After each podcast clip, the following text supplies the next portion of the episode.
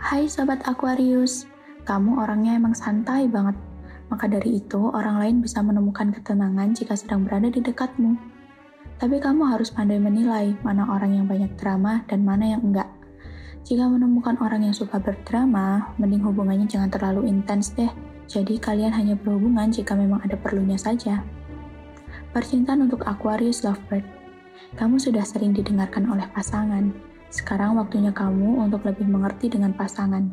Karena peran terbesar dari seorang pacar tidak lain adalah menjadi support system bagi pasangan mereka. Untuk sobat Aquarius yang masih single, jatuh cinta memang berjuta rasanya, tapi jangan sampai melupakan teman-temanmu ya.